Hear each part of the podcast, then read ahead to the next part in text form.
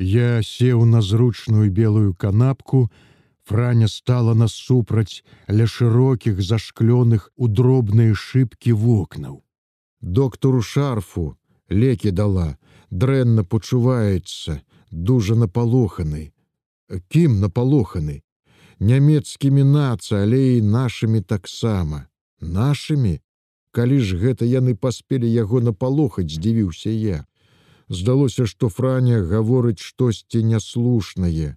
Ты не ведаеш, можа і не трэба табе гаварыць. Не бойся, я ему зла не зраблю. Я веру не зробіш. Ты ж не такі, як. Гэта ж учора ноччу мы да ранку не спалі. Не спалі? Ну, Як змерклася, прыехалі вашы, ну, з асобага аддзела сказалі. Мяне прагналі ў вестыбюль, а самі там да чатырох гадзін яго дапытвалі. Вояк, але завошта, А хто іх ведае, і мне доктор шарф нічога не сказаў. Фрау Сабіна плакала. Ну а ты, у цябе яны пра што-небудзь пыталіся. Ад мяне адабралі падпіску, што буду маўчаць. Вояк, гэта было горш. Зрэшты, я ўжо ведаў, што там, куды лезлі гэтыя, і не магло быць добра. Ну, але хай гэта ў нас, у войску, у тыле, ды прычым тут аўстрыякі, Прычым нарэшце франя. Ужо яна навошта ім спатрэбілася, ці чым не дагадзіла, А можа, яна замінала ім у нейкай іх цёмнай справе. Хаця заспакойваў я сябе, да таго патрэбна быць гатовым. Усё ж у гэтых малодчыкаў свае спецыфічныя абавязкі, якіх простым людзям ніколі не зразумець. Найперш шукаць ворагаў, але няўжо ж і гэты стары прафесор біялогіі таксама вораг, шпіён, дыверсант, ці можа яны самі вярбуюць шпіёнаў. Але як жа ў такім выпадку тут заставацца франі? А доктор шарф не фашыст? Ну што ты? Ён не любіць фашыстаў, страх. Бывало у гановеры як бяжым у бомбасховішча дык ён груба лае іх. Вакол усё грукоча ніхто нічога не чуе. Як ніхто не чуе можна і палаіць сказаў я. А ты сядай побач вот тут ля мяне. Неяк нерашуча франя прысела ў куточку канапы настрой яе зноў здаецца рабіўся мінорны яўна заклапочаны. Яе захапіла перажытае. Я быў настроены інакш але таксама радасць моя панікла. Франя між тым пачала расказваць. Там жа бомбілі кожную ноч алярмы гэтыя з вечара да ранку у горадзе пекла ўсё гарыць ды рушыцца Немцы ратуюцца ў бомбасховішчах, было што і ў бомбасховішчы рушыліся і ўсе гінулі. Як пачнецца, мы адразу ў склеп. Да таго ў мяне ўсё ўжо нарыхтавана, тэрмас, пледы, сядзім, яны там моляцца, а я як умею таксама. А што ў іх? Свой дом? Не, кватэра ў вялікім доме. Ну, праўда, і кватэра немалая, а я одна пакаёўка і за кухарку. Работы процьма, але я старалася, спярша прыглядаліся да мяне, як што умею. Я і праўда не шмат умела, але вучылася, хацела дагадзіць, бо як жа іначай жыць у чужых, трэба дагаджаць. Так мама заўсёды казала: Ну, што зраблю не так, не лаялі, не каралі, як некаторыя, вучылі, фрау Сабіна спакойна раскажа, пакажа: Што, я тыя дзвярныя ручки дома калі начышчала? Ды ў нас іх і не было такіх бліскучых. Спярша мне пра тое сказалі, показалі, ну, а пасля я ўжо і сама рупілася, каб было чыста і прыгожа, дома ніколі так не было. На цеснай канапцы Франя сядзела блізка ад мяне, але я пасунуўся яшчэ бліжэй, і яна не адхінулася. Мае свавольныя руки яна перахапіла ў свае і цесненька трымала іх на каленях. Дык ты у іх за прыслугу з затоеным папрокам сказаў я: « Ну, ведама, а для чаго ж яны мяне ўзялі? Але розная прыслуга бывае і розныя гаспадары. У гановеры цераз вуліцу жыла клава таксама остаўка, Дык кожны дзень плакала ад сваёй гаспадыні, загінула ў бамбёжку. Малако кіпяціла быў налёт. Колькі хвілін трэба было пачакаць, каб малако закіпела малому.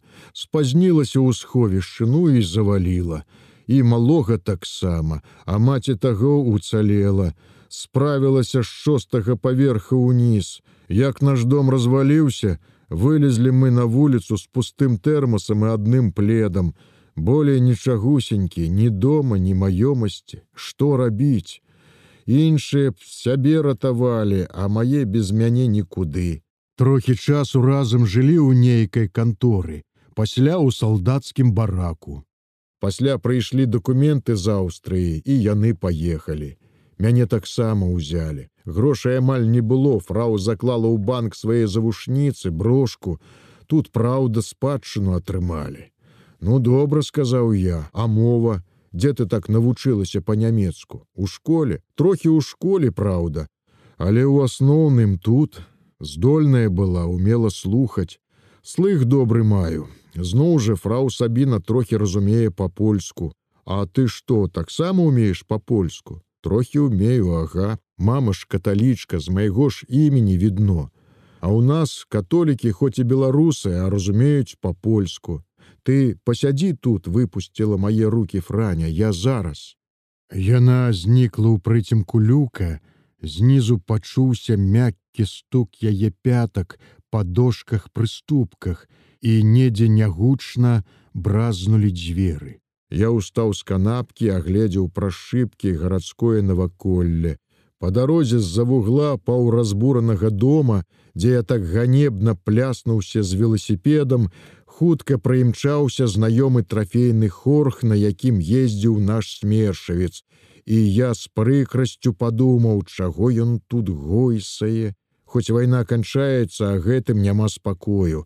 Усё нешта шчыруюць, уведваюць, Мабыць, нешта камусь рыхтуюць. За сябе ўвогуле я быў спакойны, здаецца, вялікіх грахоў не меў. На акупаванай тэрыторыі не жыў, з харкаўскага акружэння выйшаў не адзін, а з групай, і тое злачынства было ўжо добра даследавана смершам і, пэўна, здадзена ў архіў, Але, мабыць, гэтак жа думаў камандзіру ўзвода сувязі ляжнеўскі, якога месяц таму рэпрасаваў смерш. Той, выпіўшы, даў сабе волю паразважаць наконт несправядлівасці да акружэнцаў, якіх пасля вызвалення спрэс накіроўвалі ў штурмбат. Сам апынуўся прастое ў штурмбаце, і ніхто з нас яго болей не бачыў. Над гарадком вечарэла, горы паволі асядалі ў тень, толькі снегавыя вяршыні яшчэ блішчэлі здалёк сонечным водсветам. На фоне блакіту вечаровага неба той бляск рабіўся надзвычай выразнай, набываў перад ноччу сілу. Як добра было б сядзець тут з мілым дзяўчом да ночы, ды і ўночы таксама, слухаць яе, адчуваць і кахаць, каб не вайна, але калі б не вайна, дзе б я яе сустрэў. Дзіўна, але менавіта вайна звяла нас тут наводдаль ад радзімы, сярод гэтае альпійскае прыгажосці. Як бы і не развяла таксама, раптам падумалася мне. Амаль нячутна ў вежу паднялася франя, штосьці прынесла ў руках разадрала упакоўку і паставіла на канапу невялікі пакуначак. Во частуйся міця, акурат як нашыя да вайны. То былі цукеркі, знаёмыя з дзяцінства падушачкі. Мабыць, не дужа свежыя, некаторыя пазліпаліся і франя аддзірала іх па адной частавала мяне. Сапраўды, не зважаючы на не надта апетытны выгляд, Цукеркі, як і ў дзяцінстве былі салодкія і пахкія.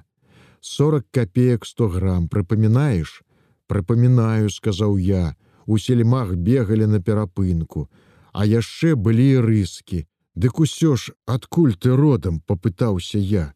Ды з Менска, там і нарадзілася і даўно адтуль з менска даўно з менска ж я спярша перабралася ў чэрвень адтуль ужо ў нямметчыне апынулася ды тут каб не пашэнціла прапала б як прапалі мае дзяўчаты дзе прапалі а на хімічных заводах у руры паатручваліся і пагінулі усе чацвёра чэрвенскіх а ты? Ведаеш тут можа лёс такі можа якая выпадковасць? Гэта ж як мы прыехалі ў нейкі гарадок ля гановера нас пачалі размяркоўваць. Ну пастроілі ў шарэнгу прыйшло нейкае начальство ў форме ў цывільным. Хто якія мы тады мала разбіраліся і пачалі перабіраць каго куды, але спярша прыйшлі вайскоўцы, як пасля аказалася афіцеры з вермахта. Яны былі ў водпуску з фронту, і ім дазвалялася выбраць у свае сем'і абслугу.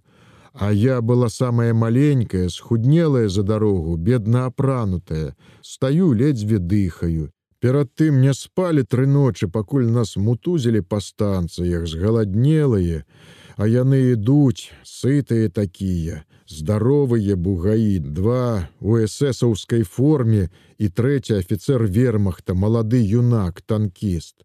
Тыя павыводзілі дзяўчат што здаравей ну рослых дужэйшых а я стаю самая апошняя. І во гэты вермахтаўскі лейтенантик прайшоў раз ды мусіць яму ўжо не хапіла дужэйшых Тады ён вяртаецца і да мяне. Ком кажа, я ледзь не самлела, так ён холодна паглядзеў на мяне.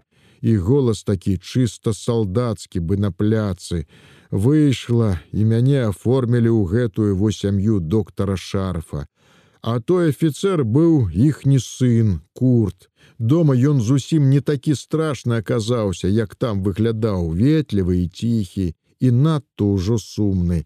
Праз два дні паехаў на фронт, а праз два тыдні загінуў у танку. Як падумаць, дык ён выратаваў мяне, каб не ён атруціцца б і мне на той хіміі. Аднак гісторыя, сказаў я ўражаны гэтым аповедам. Можа, табе і пашэнціла.